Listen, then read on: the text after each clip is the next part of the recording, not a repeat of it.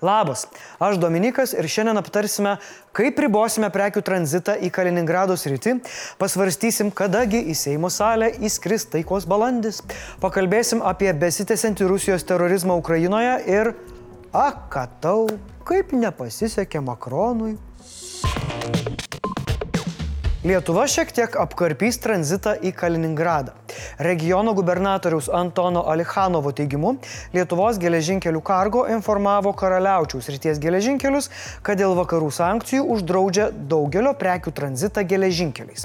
Apribojimai palies maždaug pusę produktų, kurie importuojami į kitus Rusijos regionus ir eksportuojami iš jų tranzitu per Lietuvą. Na pavyzdžiui, statybinės medžiagos, cementas, metalo gaminiai. O Lietuva sako. Well, uh, European sanctions that uh, started working from the 17th of June. Tad užsienio reikalų ministerijoje Rusijos diplomatų įteikta nota, kuri paaiškina ES ribojamųjų priemonių taikymą Kaliningrado tranzitui. Atsakydama į tokias sankcijas, Rusija pradėjo eilinę gazdinimo kampaniją. Teroristinė valstybė sako, kad ES reikia taisyti padėtį dėl blokados arba Rusijai bus atrištos rankos imtis bet kokių veiksmų, kurie šį klausimą išspręstų. Mhm. Įdomu, gal tarptų veiksmų bus ir karo Ukrainoje nutraukimas, nes jis vienintelis padėtų šią ir dar daug, daug kitų problemų išspręsti. Pasisakė ir Ukrainos užsienio reikalų ministras Dmitro Kuleba, sukritikavęs Rusiją. Anot Kulebos, Rusija neturi teisės grasinti Lietuvai. Maskva gali kaltinti tik save. Bet jau greičiau Paksas pradės dirbti Lietuvos naudai, nei Maskva dėl ko nors pradės kaltinti save. Ar valdantieji susitaikys su opozicija? Ar užsiožiavę vaikai grįž posėdžiauti į bendrą Seimo salę? Ar prezidentui pavyks sutaikyti susipykėlius? Visą tai sužinosite šioje dramos Seimo nekalbadieniai serijoje. Jo ekscelencija Gitanas Nausėda susikvietė nesutarančias pusės, ne, ne, ne, ne picukės pakapot, o padaryti tai, ką prezidentas labai mėgsta - ieškoti dialogo.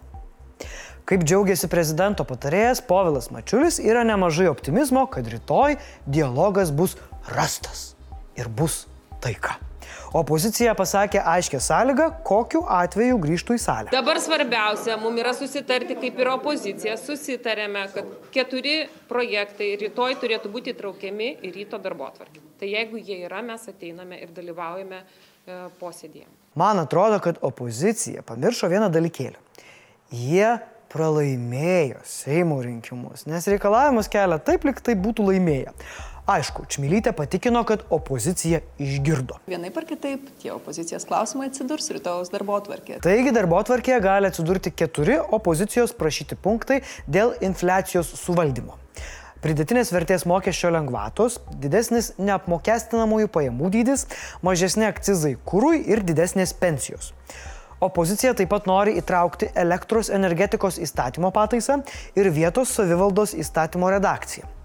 Tačiau net jei bus įtraukti, nereiškia, kad siūlymai praeis visas stadijas. Na, bet bent jau rytoj į Seimo salę įskris taikos balandis. Iš esmės opozicija išbandė seną gerą vaiko metodą - nukrent ant žemės ir rėki, kol mama įgyvendins reikalavimus. Kaip bus su partnerystės ir žalės dekriminalizavimo išmetimu iš darbo atvarkės, dar neaišku. Gali būti, kad čia bus Laisvės partijos ir liberalų deal breakeris. Tiesa, ne visi priėmė nausėdos kvietimą į dialogo grupelę. Prezidentūroje nebuvo liberalų.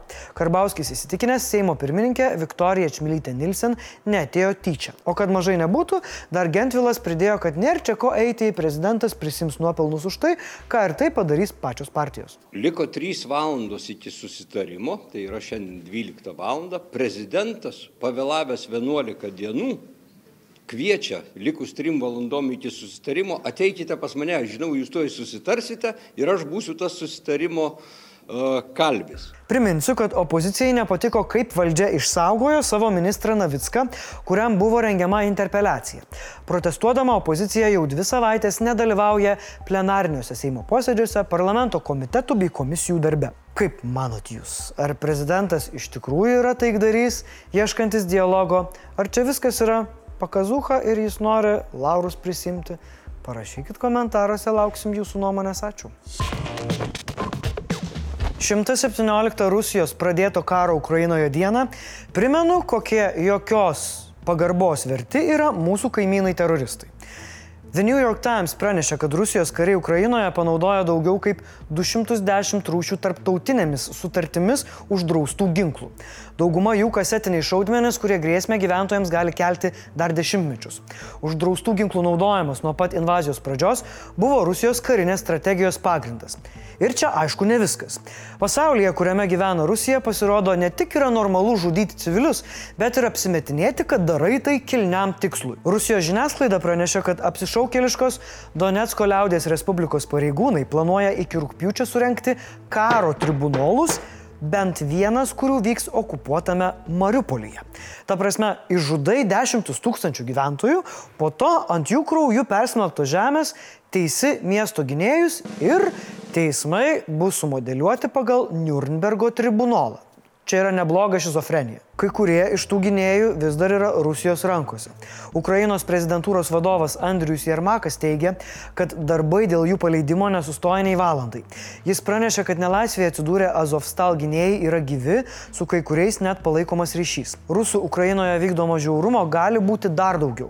Kaip teigia Volodymyras Zelenskis, Kadangi bus priimamas sprendimas dėl kandidatės į ES narių statuso suteikimo Ukrainai, terorusai gali suintensyvinti karo veiksmus. Kalbant apie ES, jos užsienio politikos vadovas Jozepas Borelis pareiškė, kad Rusija turėtų būti laikoma atsakinga, jei ir toliau blokuos itin reikalingą grūdų eksportą iš Ukrainos.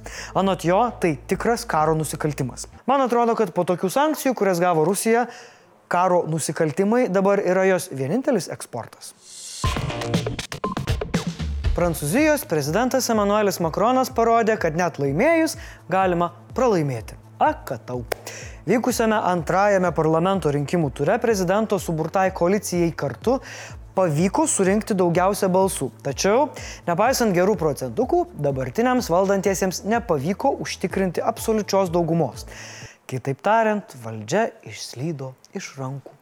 Kraštutinės kairės Žano Luko Melenchono naujasis kairiųjų alijansas pasirodė visai gerai. Vive la France, vive la République! Kraštutinės dešinės Marie Le Pen partija gavo dvigubai daugiau nei buvo prognozuojama. Vive la République, vive la France! Politologo Ginto karaliaus teigimu yra dvi priežastys, kodėl Makronas nepavarė.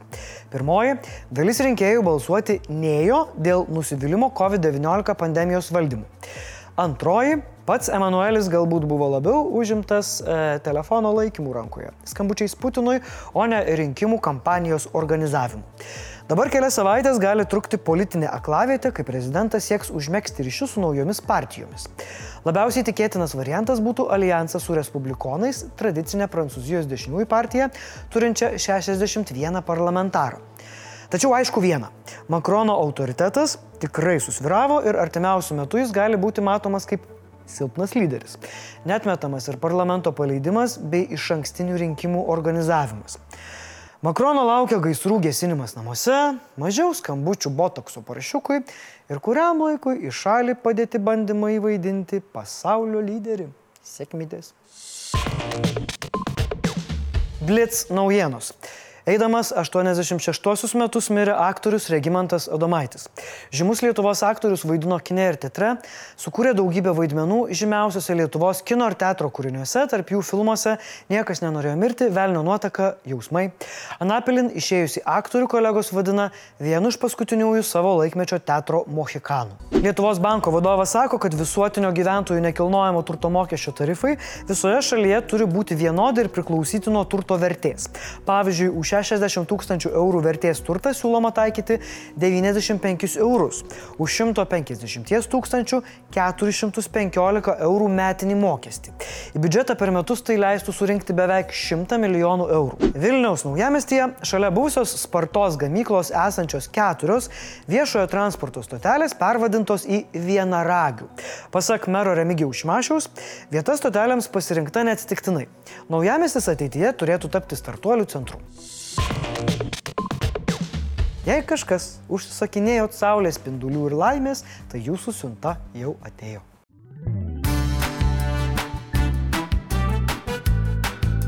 Ačiū. Šiandien tiek žinių ir rytojus.